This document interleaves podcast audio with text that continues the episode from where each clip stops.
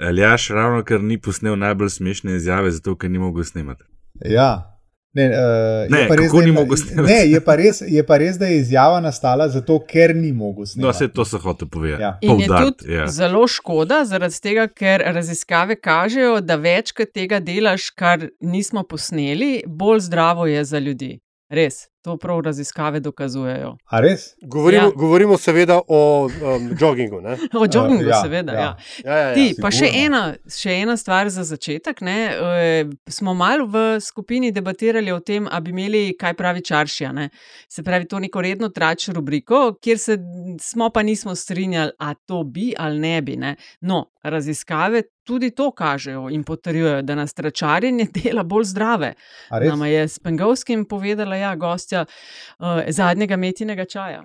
No, po tem kriteriju smo pa potem v Sloveniji ena bolj zdravih družb na svetu, najbrž. Ja, Vsaj po, vsaj po enem kriteriju. No. No. Pa misliš, da obstajajo večje razlike? Po mojem, je to posod isto. Pa se Misliš? si nismo mi National Inquiry razmislili. Mm. Ti, preden uh, rezultate povem, bomo šli na špico. Pa, uh, Andraš, to si nam podvalil, ne, glede polit bizark. Anketo Sem, ne, si na no. svojo roko šel delati. Kako si? Kakšni so bili rezultati? Škoda, navadil sem se zadnji dve leti kot valikom, da delamo ankete samo inicijativno, brez plačila, pa sem šel nekaj razgled v tem fazonu še naprej.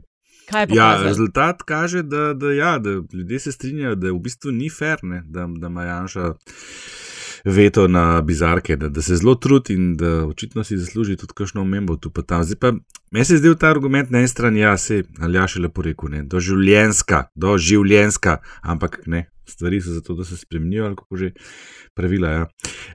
Um, Meni se zdi, da bi se zaslužil kakšno omembo, zdaj ki je v opoziciji. No. Ma ja, Nekdo jaz sem- nekdo jaz sem mogel malo skrbeti. Jaz sem jih zanj. hotel to reči, če je že oblast zgubil, ne, ne, naj dobi pa vsaj vsaj to, no. status nekoga, Eto, ki, resno, ki se ga resno jemlje tukaj Tako, v kategoriji tako, za bizarke. Tako. ja, ne vem, Napo je imel dober protiargument, ne?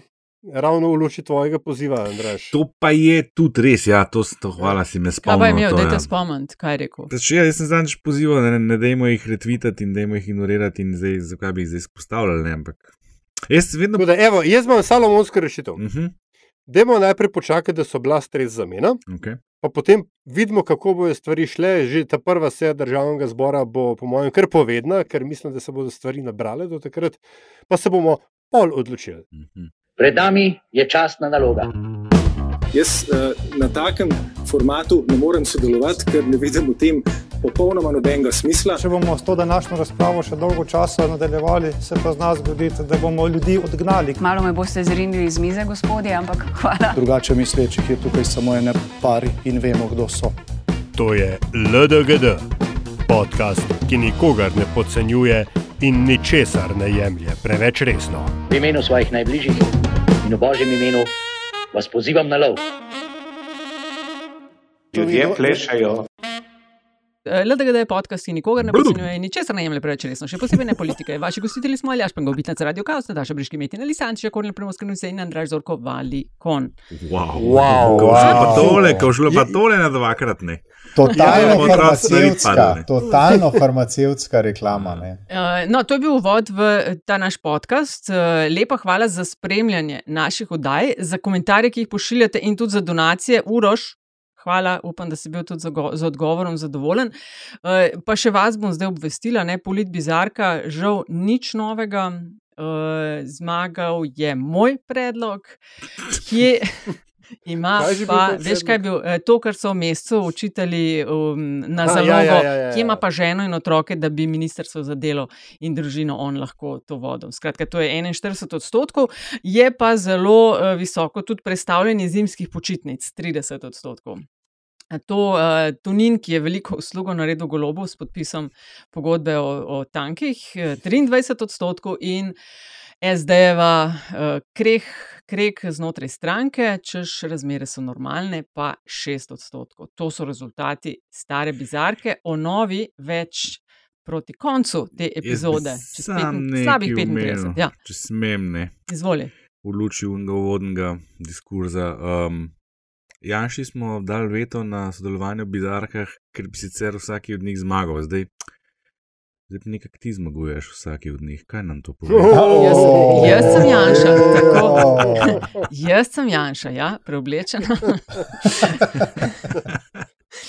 Eh, Polne roke imamo danes. Tako, Ministerska Harms, ja. ekipa je več ali manj z nekaj izjemami eh, že uh, naznanjena, pa v, na dan, ko bo šla naša epizoda ven, bo tudi eh, prva seja novo izvoljenih. Začnimo kar z ministersko ekipo. Eh, na ja, do zdaj smo imeli 17 ministrstev, od, tre, od tega tri brez resorja. EU, kohezija, pa digitalna preobrazba in slovenci po svetu. Zdaj jih je napovedanih 20 ministrstev, eden brez resorja za mejci in znana so prva imena. Um, Andraš, recimo, tokrat s tabo, komentar na število ministrstev, komentar na kakšna imena, ob katera se želiš spotakniti. Vse sem se že, pa tudi fino na nos padel. Kaj pa? Um, Kaj je bilo? A si Ja, obrambni minister, ne. Mislim, A ja, Ja, lej, ko, ko je že vse kazalo, ne, da, da se me je znebil, končno Marjan, ne, je prekorakal, da ne rečem, prjahal nazaj ne, in se znašel v defenzivi, ampak ne. Jaz sem bil res eh, presenečen, tisti, ki so bili včeraj zraven mene, lahko to potrdijo, vidno presenečen na to izbiro. Ampak, kot je potem pa ena pomembna moja druga eh, rekla proti večerju, rekla, najprej rekla, da, da kaj ne, da, da je mislila, da je šarec obramni, da je mislila, da, da je golob kaj pameten, ne. Pa je pa zaključila, no, ampak konc koncev je rekla, sej je bil tudi Rjavc obramni minister. Tako da mogoče je nekaj res na tem, če pogledamo, kdo vse so bili, redko kdaj so kakšni. No, mislim, kot se spomnim, Grizold je bil nekoč ne kot strokovnjak, mnoboslovc. Ampak vemo, da za ministersko funkcijo ni nujno, da si lik strokovnjak, bolj izjema kot pravilo. Tako je. Tako Se da um, meni se zdi dost modra ta poteza uh, Golobova o združevanju, je ima nekaj ironije v tem. Ne? Uh, Ko, a veš, spomnim, večkrat smo tudi mi govorili o tistem uh, proslulem srečanju, nesojenem združenju, združevanju za nastop na evropskih volitvah. Uh, Šarec je imel res takrat izvrstna priložnost ne, za nastanek nekega levo-liberalnega bloka po vzoru LDS in jo je, in jo je res dobesedno svrčkal. Zdaj, ironično, ne, se zdaj dogaja ta proces z druge smeri. Ampak jaz mislim, da je to res pametno, kar golo počne.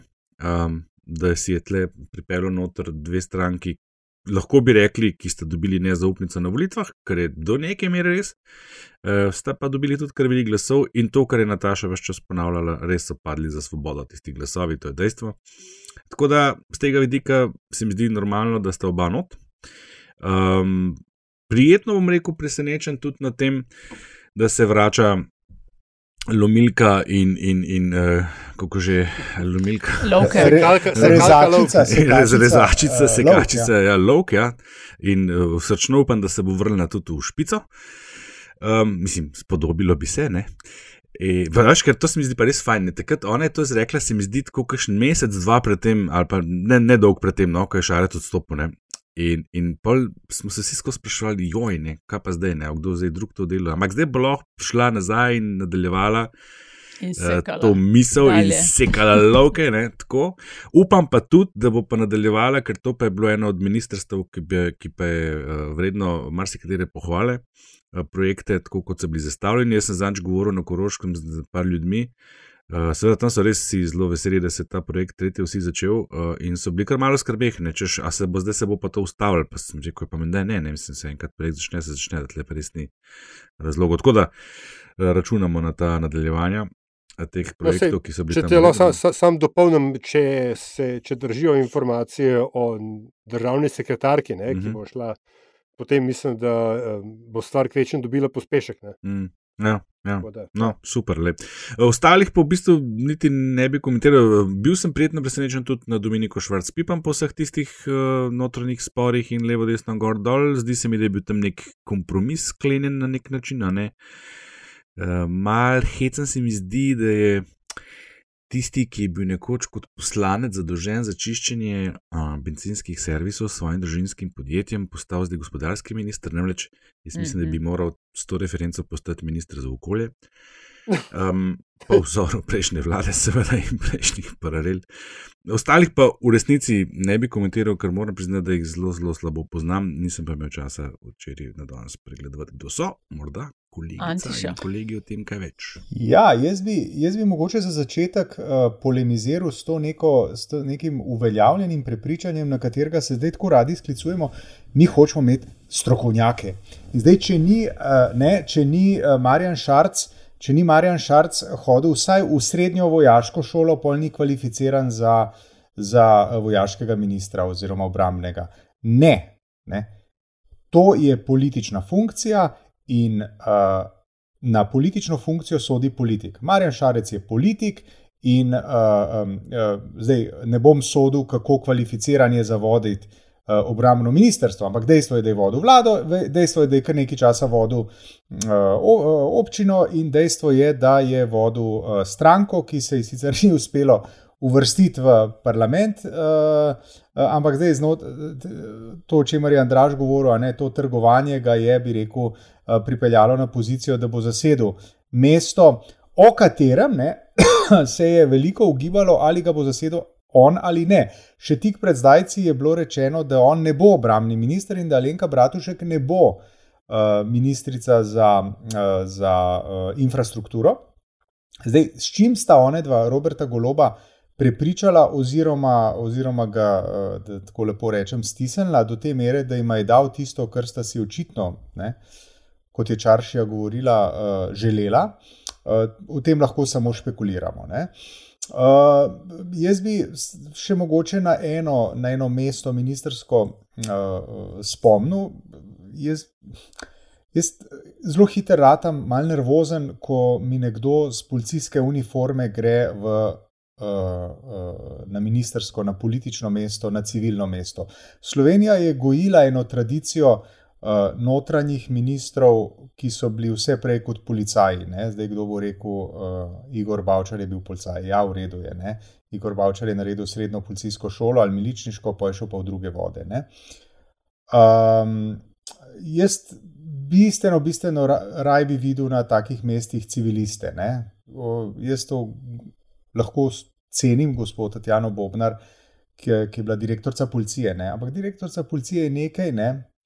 in če je nekdo policaj, to ne pomeni, da bo tudi uh, minister, tako kot si ga ena uh, spodobna, napredna, napredna družba uh, lahko želi. Nimam, kot rečeno, ne, nimam nobenih indicev za to, da to zdaj pa pomeni, ne bi rekel, prvi korak militarizacije, ampak uh, je treba biti pozoren. No. Uh, je treba biti pozoren na to. Sicer pa, tako kot je Andraš rekel, ne, Hočeš reči, da smo, v bistvu lahko, da smo lahko v bistvu srečni, oziroma uh, zadovoljni, da ni Tone Krkovič postal ministr za obrambo. Uh, recimo, ne. ne, uh, to smo lahko, uh, lahko kar seči. Ne, ampak recimo, ne, če mi pomislimo, kdo vse so bili uh, notranji ministri, ne, bil je ne, Vizjak, uh, uh, Bizjak, pardon, Bizjak, pa je bil ne na zadnje Peter Jambrek, ki je bil notranji minister, pa je bil notranji minister Boruč Okle, pa je bila Katarina Kresal notranji minister in tako naprej. In tako naprej ne. Zdaj, ne, to je ena tradicija enih civi, uh, ljudi iz civilnega in, uh, če hočete, univerzitetnega življenja. Ne. Ampak, ok, pustimo, pustimo, uh, pustimo, da se izkaže ali pa zamoči. No, tako bom rekel. Veš, veš kaj? Meni se zdi, da pa, na, tako, v generalu se strinjam s tvojo pripombo ne, o tem prehajanju iz uniforme v civilno sfero in obratno. In mislim, da bi bilo, da bi marsikak um, človek, ki razmišlja podobno, bil uh, zelo zadovoljen, če bi uh, zdaj domnev, domnevno bodoča ministrica vnaprej povedala, kakšen bo pač njen odnos ne, do njene prejšnje službe. Se mi zdi pa, da nasploh um, izbira imen zelo nakazuje na to, tudi kakšne bodo prioritete te vlade. Ne? Ker enkrat za spremembo se mora zdaj notranje ministrstvo ukvarjati z svojim organom, za policijo kot organom v sestavi, ker je ta, ta ugled policije, mislim, da že dolgo ni bil tako na nizkem nivoju, kot je zdaj to Andraš, ima bolj čez te številke. Ne? Če sem si te prav zapomnil, zaupanja tukaj ni, oziroma ga je zelo malo. In je, meni se zdi sporočilo tukaj je, ne, naloga te ministrice bo primarno, da bo postavila nazaj policijo v družbeno vlogo, kot smo jo bili navajeni in kot smo jo nekako, ravno smo se nekako spet sporazumevali ne, po tisti zimi 12-13. Ja. Um, kar se tiče. Rabila bo direktorja marketinga, ne direktorja policije. Ja, ne, mislim, ja, no, ja recimo, ja, ja. Ne, evo, ne, tako, ne. A, kar se tiče notranjega ministra, ker sem bil, uh, sorry, obramnega ministra, ker sem bil ravno zdaj kaj v sredo, no, v neki debati na popu okoli tega. Um, Veš, tudi Matej Tunin nima nič kaj zelo velikih vojaških izkušenj. Glede na to, kdaj je rojen, uh, sem kar pripričan, da tudi vojske ni služil. Ne. Tako da o toliko usposobljenosti in neusposobljenosti. Kot si prav rekel, to je eminentno politična funkcija. In kaj pa pritiče nekdanjemu predsedniku vlade kot eminentno politična funkcija v, v, v neki nove vladi, če že je član te vlade? Ne. Za neko bratožek pa jasno, ona da je že v prejšnji Šarčevi vladi vedela, da je infrastruktura tisto, kar jo zanima in kjer se počuti doma. Uh, in se mi zdi, da je izbira ni, ni v dveh, ne, in pr, je bila tudi nekak um, signal ostalima dvema, oziroma koalicijskima partnerjema, ne, da je vendarle Robert Golop šef, ne, da on pač tukaj, uh, da je svoboda hm, akcije, ne, ki jo ima ta koalicijska partnerja, vendarle malo omejena. No, v mojem je treba vsaj tako štiri stvari povedati okrog tega, ker je kar precej prahu dvignilo to imenovanje na desni, govorim, imenovanje Šarca in ja, Bratušek. zelo. Ne, na desni blazno skrbi, zakaj sta LMŠ in SAB zraven. Štiri stvari. ne. Eh, kot prvo, ona dva sta na njihovih žuljih tudi, je svoboda na takšnih odstotkih, na kakršnih je. Ne.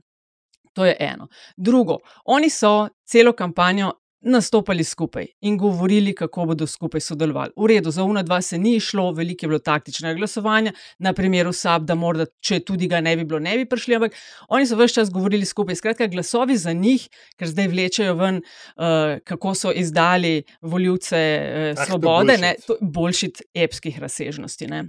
Načini so izdali, ker ti, ti voljivci svobode, če so za tri minute pogledali kampanjo, so videli, da stopajo skupaj in da ne seka noben čez nobenega. To je drugič. Tretjič, ekspremjeja sta.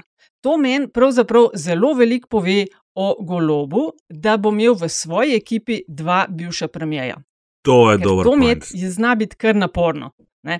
To je kar, kar naporno. In četrta stvar, oni se združujejo. Ona dva sta. Zdaj, to je tako, Mm. kot je NLB en mesec nazaj požrl Sberbank dva meseca.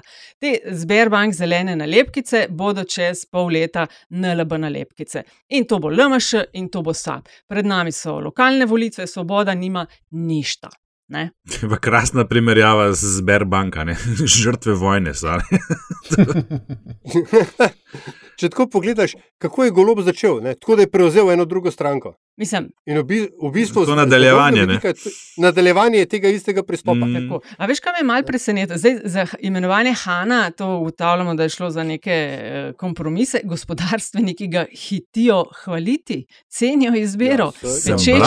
Ja, se bo njihov, se bo njihov ključen sogovornik. Pa, Ja. mislim. No, Tako, ja, ne? lahko Ja, ne no. bi bili zadovoljni z izbiro. Ne? Glej, veš kaj, Ne, ne samo, da so zadovoljstvo je- izrazili, ampak so bili tako prav zelo tako. jasni, direktni, eksplicitni. Ja, ja. rekel, Nekako teh, tako, kot eh, je komplimentih. SDS, ki hvali prodnika iz SD-ja. Tako, ena ta kombinacija. Tako, je. Naš človek je zgledal. Naš človek, ja, naš A? Človek. ja, ja. Pa drugo, malo me je presenetilo tudi, eh, da tak je bil model desna roka Goloba, Arčon. Ne? Ja. Da se je sam javil, da bi bil za zamejce, mislim, to ministr za zamejce, to bo edino brez lisnice, kot je plan za enkrat. To je, lej, tudi lahko bi bil en sekretar v vladi, se razumem, to je treba pa pozornost temu in gor dol, ampak ni to glih ministrstvo. Ja, no, pa sej v načeloma je, to je vladna služba, ki je vsakeč dvignjena na Ja. nivo ministrstva. No, ne. Ampak, Sem pričakovala, a, da bo kakšno drugo vlogo imel. No. A veš kaj, treba upoštevati, uh, Matej Arčon je iz Nove Gorice. V mandatu eh, in, in to je, mislim, no, uh, ena od ambicij Nove Gorice in Gorice je v bistvu ustvariti neke vrste somestje. Ne? To je prva stvar, ki jo treba tukaj upoštevati. In on je bil župan Nove Gorice, mislim, da dva mandata. Ne? Uh, to je ena stvar. Druga stvar, v mandatu te vlade bo potekala tudi um, Evropska prestolnica kulture Nova Gorica, Gorica, ne? ker bo verjetno precej, precej možnosti za po eni strani za uh, pomagati, po drugi strani pa za se, se slikati, ne? ker roko mm. na Mhm. srce. Ministr za zamejce, in- slovence po svetu in zamejce, ali kako se že reče, ni prav vidna funkcija. Tokrat bo morda lahko drugače. Ne? Tako da No, pa, Ja. ja. glih to sem hotel reči, da, v bistvu mini, da je pač to, to je tako, taka dovolj nebulozna funkcija, da je res ful odvisen od tega, kaj z nje narediš. Ne? In Mislim. če imaš idejo, pa če imaš, ne veš kaj, a, presenetlji- glede na to, koliko nič ne vemo o tem ministrstvu, je tam noter presenetljivo veliko denarja. Mislim, vemo, ker smo eni delali tudi kakšne projekte za metino listo že z njimi ne? in absolutno super, da, da imamo in da je to krepko in da so tudi sredstva za vse, ampak skratka Ja, ja. za človeka, ki je bil tako rekoč prvi z njim, ko se je odločil za politiko in zraven, sem mislila vsem, da bo kaj drugega, morda v kabinetu. Tako da me to navdaja, mogoče pa je na tem mestu zato, da bi lahko stranko pomagal malo No, konsolidirati. vse to, ker ima. Ker bom ni imel manj ful- dela kot ni- minister. Ni, ni no. pa full dela, ja, ni gli Ja. nekaj, da moraš še petih zjutraj vstajati. No. To hočem reči. Ne. Pa žulev tudi ne dobiš. Ne? Ja, ja. Da, a, a, ve, veš, kaj oprosti, ampak a, eno z ene stvari pa nismo omenili, ker smo pred sestave vlade. ne. Sej, sej so veliko dela naredili. Ampak četrtina ministrov še ni predlagana oziroma a, predstavljena. Ok, nekaj je, nekaj je res, pa je, imajo pač stranke, morajo svoje, svoje stvari narediti. Ampak a, me mečkin recimo preseneča, da pr, a, ko Bajag je takšnemu bazenu kadrov, SD še vedno ni našla vseh kandidatov za ministra, ne? kar pomeni, da se morajo vendarle še nekaj zmeniti. Um, in pa tudi to, da je v, pač da prgolobo, ne, da, da še malo manjka. Ne, ker Mislim, pa to, so je- hitri, a ni da se hiti blazno, mislim, da imamo mal dihati. Pa še prvo majci so bili vmes. No, V redu, v super, redu, ne, ampak- Mene pošič to, me pa to zelo spodbudno. Ampak hočem reči, hočem reč, da je uh, od 20, ne, jih pet manjka, to je četrtina. Ne? In je, uh, to vendarle nakazuje na to, da je pač vse skupaj še nek ongoing process. Ja, Menda upam. Ja. Ite grejo rekordno hitro eh, naprej. Antiša, grejo, mam, je to kar hitro, kar se Ja, ja, počne v primerjavi z Mislim, ja, prejšnjimi. mislim, seveda je hitro. Ne? Kaj je še, eh, 15-16 dni po volitvah, ali koliko 20 dni po volitvah? 24. Ja. Ne, ne, ne, ampak ja, se pravi, kaj je 17-18 dni po volitvah, Ja. smo mi imeli oris, oris vlade, res da Še pred četrtinsko prvim zasedanjem ne, ja, državnega res zbora. da četrtinsko nepopolnjen, ampak eh, dobro, to moramo tudi, ne, seveda, seveda gre zelo hitro, ne, ampak tukaj dejansko velik, velik, velik del uh, vlade gre v roke uh, gibanju Svoboda in oni pač se zelo na hitro zmenijo med sabo. ne.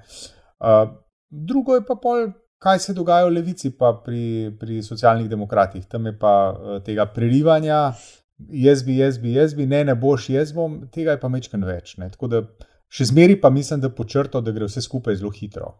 Mm, No, v vsakem primeru so na desni že, kako slaba je nova ekipa in kako seveda vrhunska je bila njihova. To me malo spomni na, kar smo že debatirali tudi v LDGDK na majstre. Ne? Vsak, ki ti pride karkoli delati, najprej reče: ja, Kdo vam je pa to delal? Ne? Ker mi to Ja. znamo res nekajkrat boljš. Ne? Šefica blesti s prispodobami danes. Mah, pa, pa to glede konstruktiv, konstruktivna opozicija bomo, ne? SDS pa NSI. Joj, kaj piše v učbenikih, gospod politolog, o konstruktivnosti opozicije? Um, ja, Nič, da je to še vedno opozicija, tako kot so tekoči, vlo, eh, tekoči posle vlade, vsi posle vlade, tako je pač konstruktivna opozicija še vedno opozicija. Ne? To ne pomeni, da če, si, če ti dva predloga podpreš, pa tri zavrneš, da si konstruktiven, če pa tri, pod, tri podpreš, pa dva zavrneš, skratka, nekaj, brez Glej, veze. Na veš, kratko, pač, teorija. Ja. Praks tega, v praksi Ni tega teorije, ni. no, pač, no. pač konstruktivna opozicija je um, spin. No, Okay. sej. Uh, Andraš, kaj si pa misliš o tem? Veš, kaj je pred- konstruktivna Ja. ja. opozicija? To je s- kvečjemu odsotnost destruktivne opozicije. Mislim, opozicija je tam, ni tam zato, da Tukaj je bilo hvali prvih pol leta Janševe vlade. Ampak da- da, no. da razlaga, kako bi oni drugač, pa kako vejo boljš, pa kako vam oni to slabo delajo. No. Janez Mislim, a veš kaj, Janša, glej. veliki mojster copyrighta političnega eh, ne, in ufuravanja terminov v slovensko politiko. Ja. Janez Janša je nekoč opozicijo delil na opozicijo pod A in opozicijo pod B. Ne, Čakaj, ni bil to Ivo Hvalica. ne jaz mislim, da je bil Janša. Ja, anyway, ja, ja, se strinjam, ja, opozicija podaja pod B, definitivno. Ja. A, veš, veš, kaj je tako? Evo, test konstruktivnosti opozicije. Če mi pridemo do situacije, ko se bo spremenil volivni zakon, ne, potem bomo videli, ali je opozicija konstruktivna ali ne. Ker dokler ima ta vlada večino, opozicija ne rabi biti kakorkoli konstruktivna, karkoli se že o tem predstavljamo, ker pač ima vlada večino. Ne. Pa tudi tisto pa bojo- enkrat, ko bo niglih, da bojo konstruktivni. No. Ja, veš kaj, glej, a, Okej. okay. takrat šteje, šteje. Andraš, kaj si misliš o tem tik pred snemanjem uh, epizode? Je Pavšič, ex-LMŠ poslanec, ki je bil predlagan ali pa se je njegovo ime podajalo kot ime možnega generalnega sekretarja državnega zbora, umaknil kandidaturo. Postal bivšič. Ja, bivši.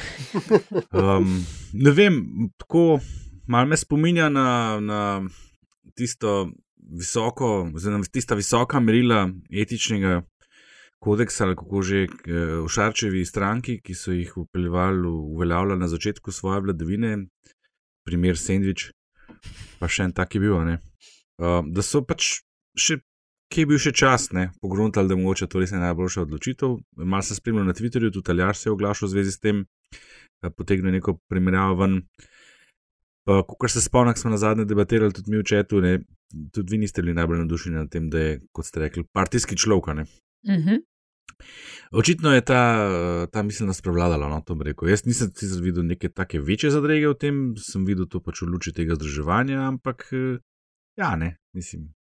Mislim, s tem svojim skillsetom, po mojem, zdaj se omenja kot možen eh, vodja kabineta ali pa v kabinetu predsednika. Mogoče druge, ja, bolj mnogo koristnejši, ja, se mi ja. zdi. Kaj se je pa naredil, ne? to je pa res, se je pa naredil v teh štirih letih. To, to. Mislim, to, ja, to, uh, Andraš, se globoko strinjam. Ne, da LMŠ je v bistvu bila edina stranka, ki je, ki je iz političnih anonimusov v tem mandatu naredila par.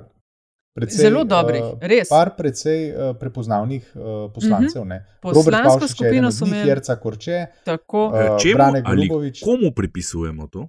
Ma, mislim, jaz, jaz prep, mislim, če bi se, a veš, šarc, diplomirani igralec, bi se lahko odločil uh, in bi vse okrog sebe, bi rekel, uh, potamanil, zato ker pač zna bistveno boljš nastopati. Ne? Ampak se je očitno se odločil, da bo pustil dihati ljudem okrog sebe in mislim, da je to edino prav. Uh mhm. -huh. Jaz sem sicer mislil s tem vprašanjem na pribežnika. Ni bil všeč odgovor.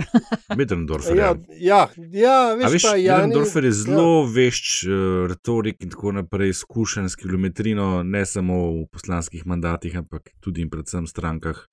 Goče pa to, veš, pozitivno vpliva na to. Se res, a se je za njega? Opisal, a se je za njega že kaj omenjalo, ki je bil tegno biti? Ni nič, ne? ne. Ampak, glej, zdaj, ki je. Za župana bo kandidiral. Ne, ja, veš, da je to. Pa gliho Ljubljani. Ja, ja, ja. ja. Pa Jankovič ga bo podprl. Ja, ja to, to, bo, to, to je to ljubezni tam. No, se pa A, zdaj izkazujejo že tudi prvi uh, predsedniški kandidati. Ne? Zdaj, ko so te volitve konce, bomo počasi se pa zalet jemle že za predsedniške. Ja. Kaj pravi? O, ja. O, ja, se je pa začel, se je pa začel. Ja. A se zaznavate, kaj že? Ne, se še ja, merite, ja. še noč ne, ne, Andraš, ali že? Kaj? Ne, ne, ne. ne, še, ne, ne jaz zaznavam samo potem, ko dobivam vedno več vprašanj z različnih strani. Ti, kaj pa ti misliš o tem, koliko šans ima? no, jaz mislim, da je ja. zdaj, eh, zdaj pa eh, je ključno, mislim, ključno. Najbolj zanimivo vprašanje je, eh, koga bo ponudila desnica. Ne? Ker na levici se oblikuje. Ne? Omenja se Marto Kos, omenja se, ki jo to zanima. Uh -huh. um, omenja se Nataša Pirc Musar, ki jo to zanima. Uh -huh. uh, to sta vsaj dve kandidatki, ki. Ena in druga. Jaz sem Miro Cerar, ima še za vsak dan. Ja, jaz ga njega tudi ne bi izključil z tega. Ja, ki takrat tudi nam, če se spomnite, ko je bil zunanji minister, uh, ni rekel, Ne, ja, je, rekel, ne predelaš, ja, tako, je rekel, da predelaš. Še predelaš ja. Ja. Tako da zdaj je pa vprašanje, koga bo ponudila pa desnica. Ne? Ernesta Petriča je že, ne? on no. je, mislim, da je edini, ki je ja. mal najavo že. Ne? Ja, dobro. In to je bilo tudi očitno že v kampanji. Ja. Lej, o Ljudmili Novak že dve leti ogibamo, govorimo, uh, da jo zanima je slišati pravi čaršija, zdaj pa kaj pa bo. Ne? Bojo verjetno kakšne meritve pokazale, koliko se splača jeti v bitko ali ne. ne?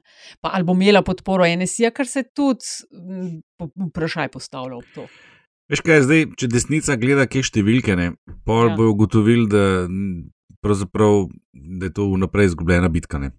Vemo, da desnici še nikoli ni uspel uh, s kandidatom, še najbližji, oziroma kandidatko, še najbližji so prišli z Barbaro Brezigar.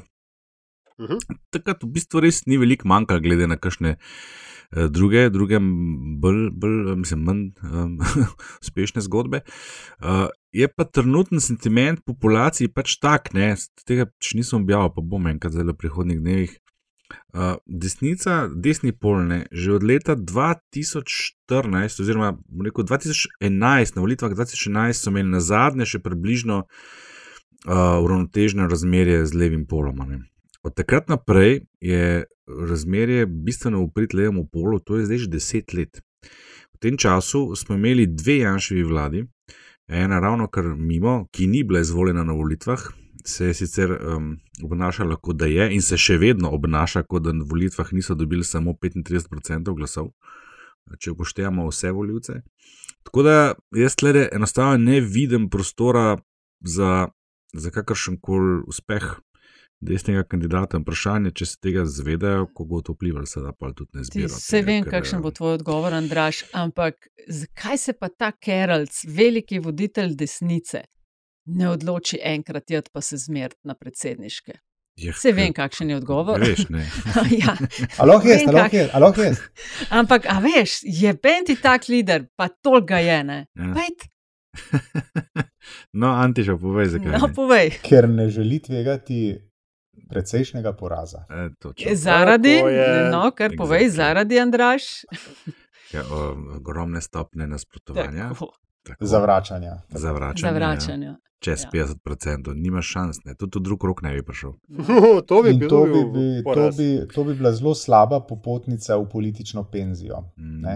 Jaz mislim, da si on želi tu politično penzijo vendarle kot Mislim, ja, a ne veš, poglej- zmagovalec, ampak ne bi rekel tako dostojno. Ne? Se pravi, Poglej, z- kaj se dogaja. No, a veš, tam, jaz- te- gledam ta graf, tle ga imam tudi pred sabo, zdaj le od 92, imam vse cifre lepo skrb združene, Mhm. sta se levi in desni pol lepo izmenjevala. a Veš, so bila leta, ko je desni pol prevladal med voljivci.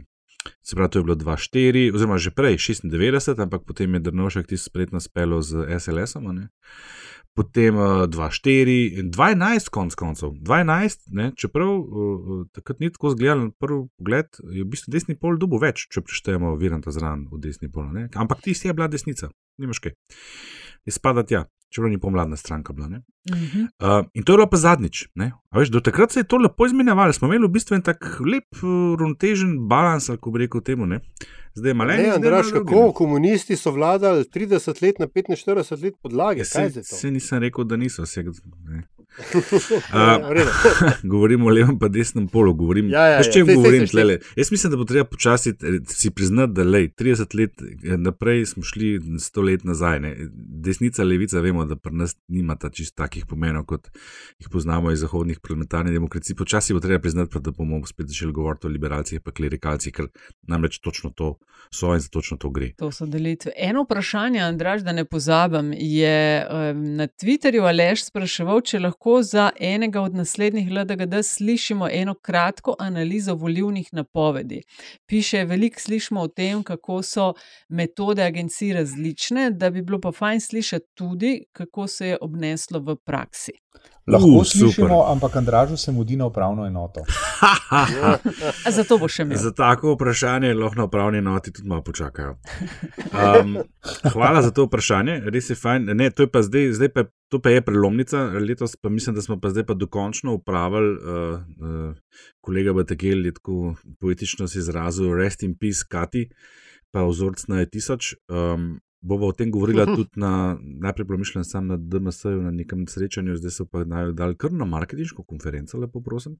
Ker gre, gre, gre za prelom. Mislim, to, kar so se pa zdaj vsi trije, ki so delali po tem old school principu, se pravi s telefonskimi anketami na teh malih vzorcah, vzorcih, eh, milo rečeno, zobe polomila. ne. Če vsaka od teh treh agencij je imela en orang feller v napovedih, niti ena napovedi niso uh, zadel, ker sicer ni najbolj, najboljši izraz, oziroma dobro iz- izmerili.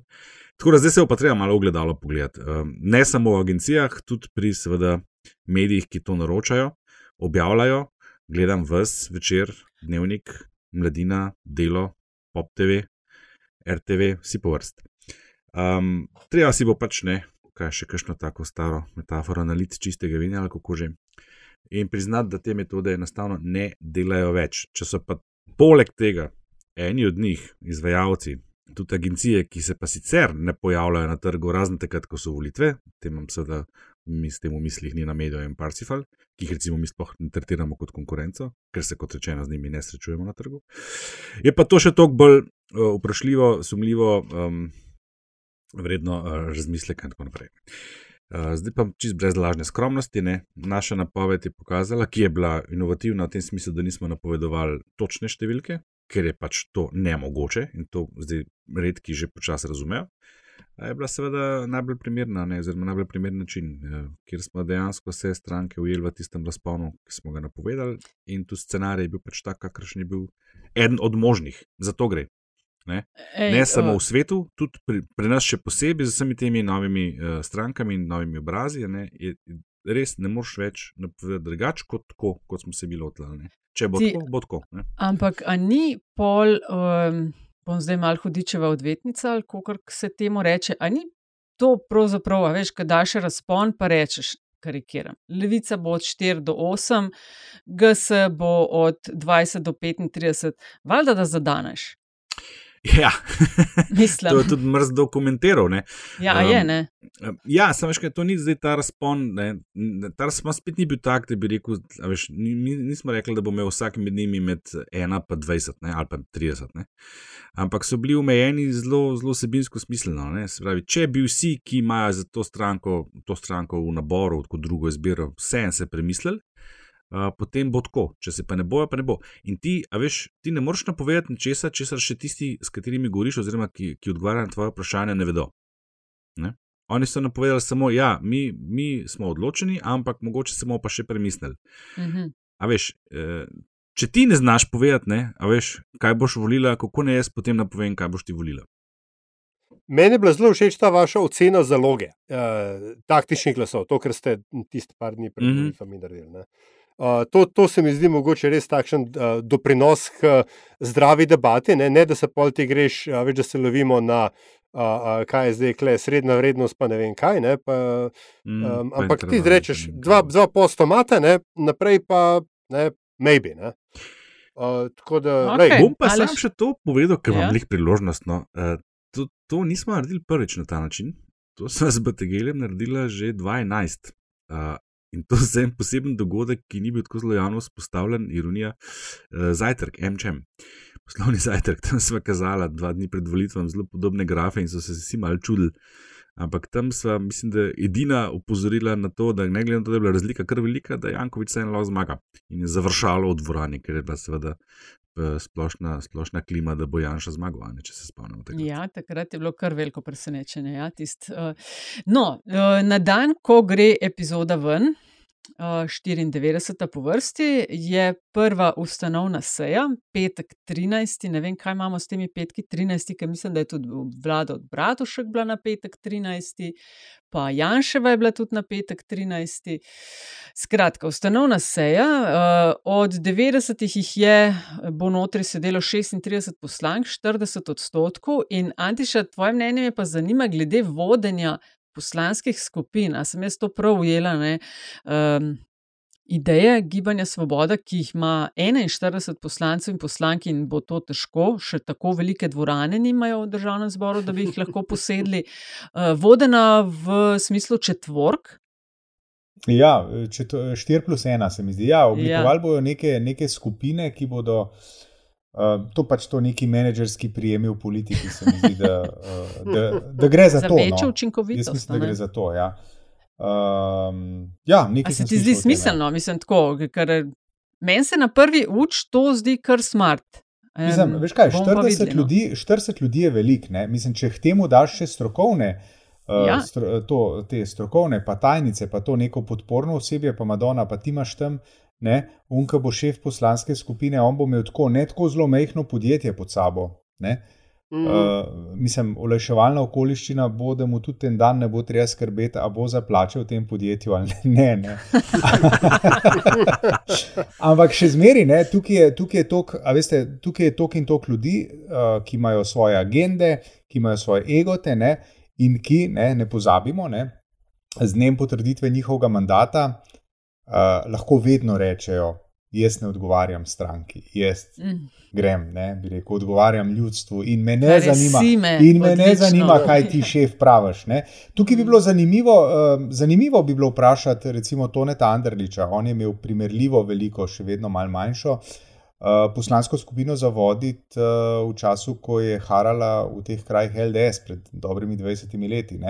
Ne. Bi bilo zanimivo uh, njega za, slišati njegovo izkušnjo, kako je izgledalo uh, vodenje takrat, ne poslanske skupine. Imam občutek, No, da si ga že poklical za intervju. Simono Kustec, ne? Ja, tudi Še ona. bolj primerljivo. No, ali pa, ali pa njo, ne, recimo, Nova ne. stranka, neizkušeni poslanci in tako naprej. Ne? Mogoče še bolj, mogoče še bolj. Ja. omeniti, Ja, ne. zelo sigurno. Uh, veš kaj, je? jaz sem sicer tako načeloma sem mal skeptičen do tega pristopa, ne? ker če ne drugega, uh, kdo pa pravi, da bojo oni štirje, ki bodo v eni skupini, pa glih za skupaj. Kaj pa če bo hotel kdo v kakšni drugi klopi sedeti? ne? A veš, kaj boš pol naredil. Pa Premesto, ampak- nekaj, fleksibilen bo. Ja, v redu, pa pol enega nazaj, pa tako, tako da lej. Ne, ne, recimo, si ampak, ampak, konzervativen. ne, ne, ne, ba, Ne, sem O, ravno obratno, ampak hotel sem reči, prosti, sem že to, no, da je pa ravno izkušnja a, a, zelo napornega in kaotičnega vodenja poslanske skupine SMC, pa vendarle nakazuje na to, da nekaj je treba storiti. Ne, oziroma, sej, mogoče, mogoče nam šlo, ne, ampak uh, zaprobat pa, lej, maybe. Mm. Jaz bi tle sem spostavil tveganje, ki ga nosi. Jaz to razumem, da, da so se na ta način odločili za, za tako organizacijo, oziroma da so se odločili za tako organizacijo. Um, a sem zdaj dvakrat isto povedal. Ne? Ampak tveganje nosi to sabo. Um, tako kot vsake organizacije, veš, čim se spostavlja ena, ena večjih tveganj, ki imaš v organizacijah, pa hierarhijah, so tako imenovani silosi. Ne? Da se vzpostavljajo neke meje, nevidne.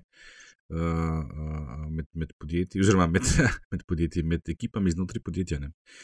In do tega bi lahko prišlo, kar pomeni, ne, da če bo prišlo do, da v tem primeru ne bo prebegnil en, ampak štiri naenkrat, če bi se to zgodilo. Recimo, zgodilo. Tako da me zelo zanimanjem bom opazoval, kako bo to, kako bo ta del naslovili. Ja. A, hvala, Andraž, hvala.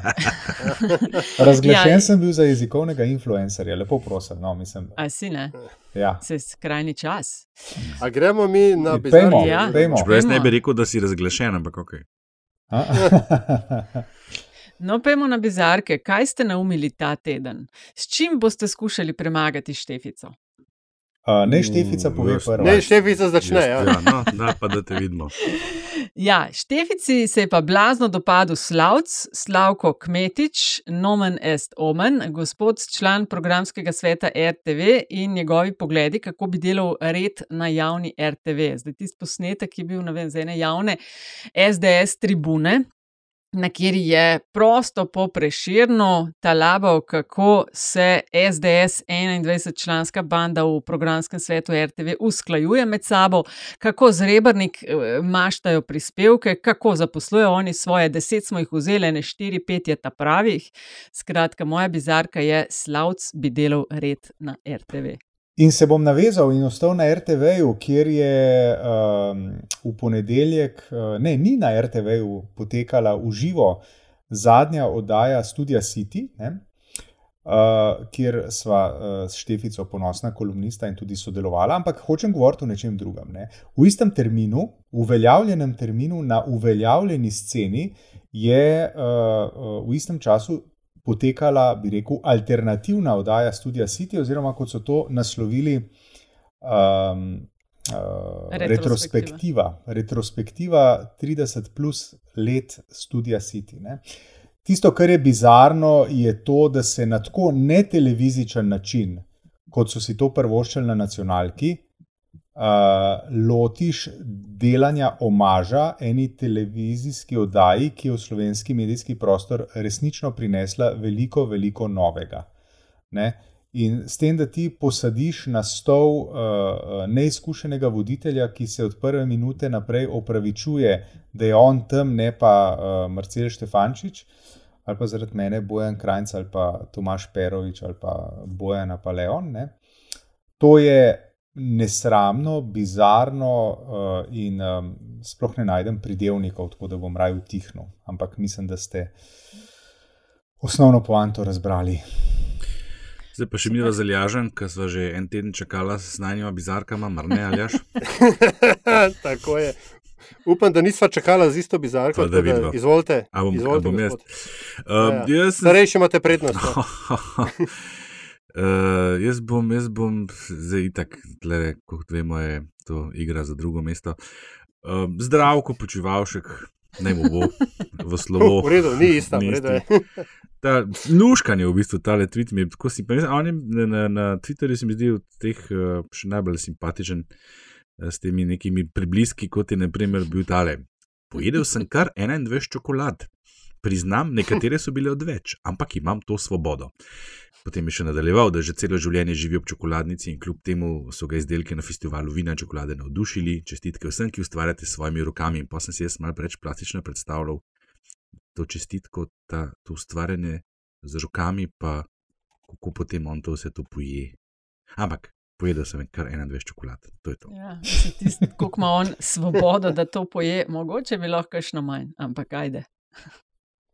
No, zdaj sem pa najbrž še jaz. Ne? Um, v bistvu mi je ta padla v naročje, tako rekoč. Uh, na zadnji redni seji, verjetno je zadnja redna seja uh, vlade Republike Slovenije, je ta odločila, se razglasila 17. maj v Republiki Sloveniji, da se obeležuje kot nacionalni dan spomina na žrtve komunističnega nasilja. Zdaj, mene so sicer potem podočili, ne, da to nima neposredne zveze z zakonom o praznikih in dela prostih dnevih, ne, kar pomeni, da so dan spomina na žrtve komunističnega nasilja spravili nekje vmes med, dnevo, med dan boja proti jajcu in dnevom uh, osaveščanja raka na prostati. Ampak um, ta vrčil signaling tik pred zdajce, ne, ker uh, zato, da na koncu pa da boste pa ja vedeli, da so se pa cel cel cel so reševali epidemijo, ampak v resnici so se borili proti komunistom. Tako da, evo, to razglašanje 17. maja je moja izbira za bizarko. Ej, super paket imamo, polit bizark. Da sem vprašanje, na kje žrtve mislijo zdaj, ne? na koncu druge svetovne vojne ali na zadnje dve leti. Ja, ja, sej, uh, velike interpretacije je tukaj. Komunizem 2.0. Ja. Um, Andraš, ja, pa še to, začel, a je, a je to res, da je, da je 17. maj sicer mednarodni dan uh, uh, proti homofobiji in transfobiji, to sem nekje prej zaznal. Ja, res je. A, res? ja. Lahko začnem, Nataša, hvala. No, izvoli, zadnji. Uh, pred časom sem predlagal oziroma priporočil film Unpregnant. Na HBO, uh, zdaj sem pa zadnjič po noči se zbudil in slučajno imel televizijo pržgano in sem začel gledati in sem gledal do konca. Noč posebnega, sicer malo dolgočasno, mogoče na koncu, ampak lušen, lušen tak uh, feel good uh, film uh, z originalnim naslovom, s naslovom Spinster, uh, ki so ga prevedli kot neporočena. Ja, taka, taka fajn indie komedija uh, z eno igralko v glavni vlogi, ki jaz ne poznam tako zelo. Um, ampak je bila kar zgrznana, stand-up kom komedijantka. Uh, v glavnem, ja, če ste gledali Unpregnant, pogledajte še Spinster. Po mojem se bo zelo dopadlo tistim, ki so nekje v taki, taki poziciji kot je ona. No. Ja, mm, uh, aljaž, recimo. Prav, ja, moja zanimivost, um, sem jo hotel že prejšnji teden, ampak uh, nova Star Trek serija je Star Trek Strange New Worlds, kapitan Pike kapetanuje uh, vesoljski ladji Enterprise, dogaja se deset let pred uh, začetki Jamesa Kirka in Spoka in tako dalje. Uh, stvar je super, tak klasičen Star Trek, kjer je vsak dan nov planet za rešiti, oziroma nova enigma za, za razvozlet. Mm, prvi del obeta, ko mi čakam uh, novega. Uh, je pa seveda zaradi interesov uh, korporativnega kapitala stvar v Sloveniji na voljo na lokalno običajen način. Antiša, s čim nas boš pa ti? Ja, jaz sem pa včeraj doživel in to bi rad podelil s poslušalstvom. Jaz sem včeraj doživel en, doživel en korenit skok v preteklost. Namreč sem po eni od ulic v Kopru, mimo antikvariata, in uh, iz izložbe me je poklicala knjiga z naslovom Sandokan. Se spomnite Sandokana? Sandokan, se spomnite. Vsi smo hoteli biti Sandokan tam, v, uh, tam nekje, tam v sredi 70, druga polovica 70. No? A si imel album? Valjda. Itak. Vsi smo želeli biti Sandokan. In to zakaj? In, uh, zakaj? Ker smo bili vsi, seveda, zaljubljeni v Marijano. Ah, in uh, ta knjiga je šla seveda z menoj domov, ko sem. Uh, za sina, valjda, ne mlajšega. ja, Ampak, ja, ja. sem jaz. Eh, avtograme od neke križne razvil za ta mali. Zanimivo je tisto, da ko greš, ko greš skozi, uh, uh, ko sem listal skozi knjigo, ne, je to neverjeten, kako te to potegne nazaj. Mislim, kako une slike so bile, sploh nisem vedel, ne, ampak tako nekako za. Zabetonirane v moj spomin, da je to nekaj neverjetnega. No. Skratka, Če uh, kdaj vam pride na pot nekaj, kar vas močno, močno spominja na uh, lastno otroštvo, izpostavite se temu. Za trenutek se boste počutili kot otrok, kar ni slabo. No, jaz pa v zadnjih 30, v luči maskovega prevzemanja Twitterja, pa najave, kako bo Trumpa spet pozdravil na, na platformi, tudi zato, ker tako mask Twitter močno vleče v levo, je rekel, no, boljšit. Vsaka empirična študija Twitterja je doslej pokazala nasprotno. Algoritmi protežirajo odklon v desno. Priložila bom povezavo na raziskavo o vlogi personaliziranih algoritmov pri potrošnji političnih vsebin no, v šestih od sedmih držav, ki so jih analizirali. Eh, kaj se dogaja s tviti izvoljenih zakonodajalcev, levih in desnih, se je izkazalo, da algoritmi tvite desnice nagradijo z močnejšimi pospeški. Skratka, ni ležit študije, ki bi kazale, da so vsebine eh, konzervativnega značaja deprivilegirane. Toliko o tem, kar vam bojo prali glavo, kako Twitter vleče v levo ali pa kako uh, družbena omrežja cenzurirajo desnico. Bullshit. Pa brez zamere.